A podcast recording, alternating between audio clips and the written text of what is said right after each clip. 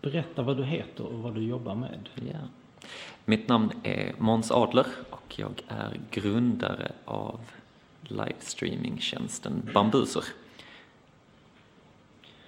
Vad gör er unika? Um, Bambuser har väl två aspekter som har varit unika under den tiden vi har utvecklat eh, tjänsten. Framförallt var vi väldigt tidiga med att göra en direktsändningstjänst från mobiltelefon till webben. Eh, och vi kombinerade väldigt tidigt detta med en webbkamerafunktion också för att kunna få bättre kvalitet. Och det var den ena biten som var väldigt unikt, att vi hade både eh, mobiltelefonen och webbkameran som ett alternativ i den här eh, möjligheten att distribuera sina livesändningar på flera olika plattformar. Eh, den andra saken som kanske är den vi är mest stolta över är vår förmåga att få videon att hålla sig uppe i realtiden, vilket är oerhört viktigt för livevideon som kommunikationsverktyg.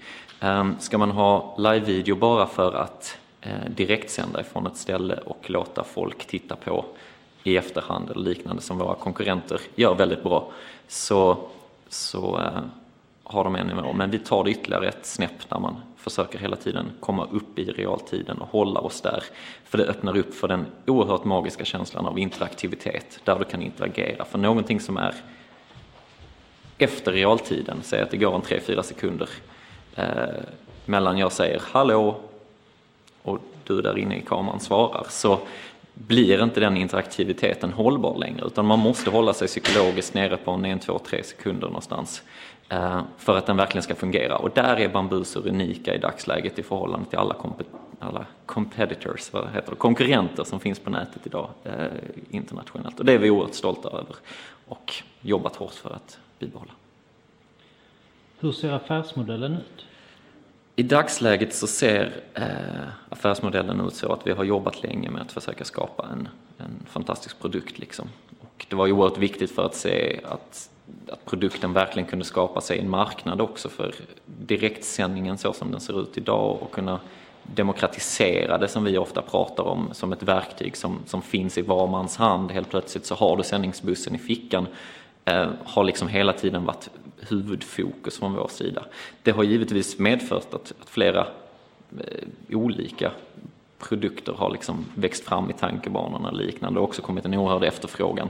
Kanske framförallt från media men även från service och liknande att kunna använda sig av realtidsvideon som ett, som ett kommunikationsmedel i, i olika scenarier där. Och där jobbar vi nu väldigt aktivt för att ta fram olika Eh, Eh, vad ska man säga, add-on produkter eller add-on features för um, de här olika grupperna. Men eh, det kanske bästa exemplet på det som har vuxit fram här på, på sistone som, som basunerades ut på TV4-nyheterna igår var ju räddningstjänsten som har använt bambuser i eh, då olika trafikolycksscenarier. Och där ser vi också ett, en, en, fantastisk tillämpning där de har byggt en liten special webbapplikation på våra databas. Liksom. Och, och, där ser vi också en enorm framtid och potential i de formerna av produkter. Liksom. Vad inspirerades du av när du började jobba med Bambuser? Alltså, grundtanken och det som hjärtat verkligen, verkligen brinner för är ju möjligheten att få demokratisera någonting som har varit väldigt, väldigt få förunnat tidigare.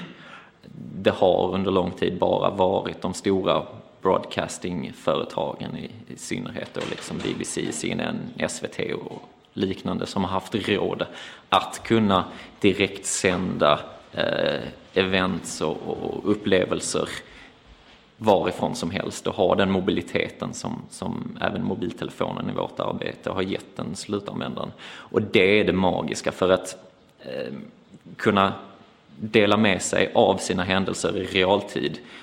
Och återigen, här är realtiden oerhört viktig för att den ger en sån oerhörd känsla av att jag är där, jag är närvarande. Det händer samtidigt som jag kan interagera med det här och skriva chattmeddelande.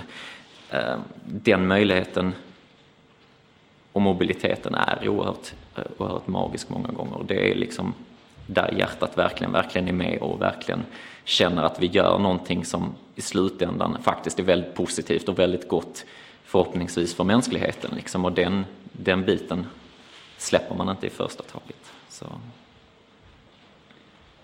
Vad är mest intressant på nätet just nu? Ja, alltså det mest, det mest intressanta på webben just nu tycker jag är um, nog arbetet som har börjat för att öppna upp data. Alltså, vi har väl sett en ganska stark trend på att liksom content och liknande har blivit ett oerhört, man har delat med sig väldigt mycket av sitt content och jag har kunnat liksom eh, vad ska man säga, URLen och besöks-URLen är inte det viktiga längre utan jag får mitt content där jag vill ha det och när jag vill ha det.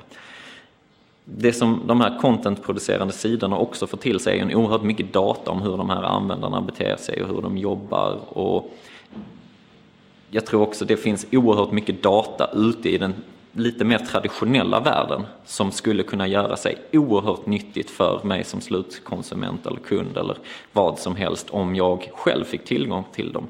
Eh, och där är väl någonting som vi jobbar hemma i Malmö med att, att till exempel digitalisera kvitton och liknande, sådana enorma datamängder som finns där ute som egentligen är mig personligen men som hade underlättat min vardag oerhört. Att kunna dela med sig av de här datan eh, över plattformar, över system och liknande eh, djupgående. Och det kan man nog få ut massa, massa olika parametrar man kan söka på och man kan få bättre förståelse om sin egen natur och liknande. Och det tror jag att det kommer vi se mer ifrån och vi kommer se data dyka upp ifrån håll vi aldrig trodde det fanns data om oss själva på och liknande. Liksom. Så, så en, en, större öppning av data, eh, helt enkelt. Mm. Tack. Tack själv.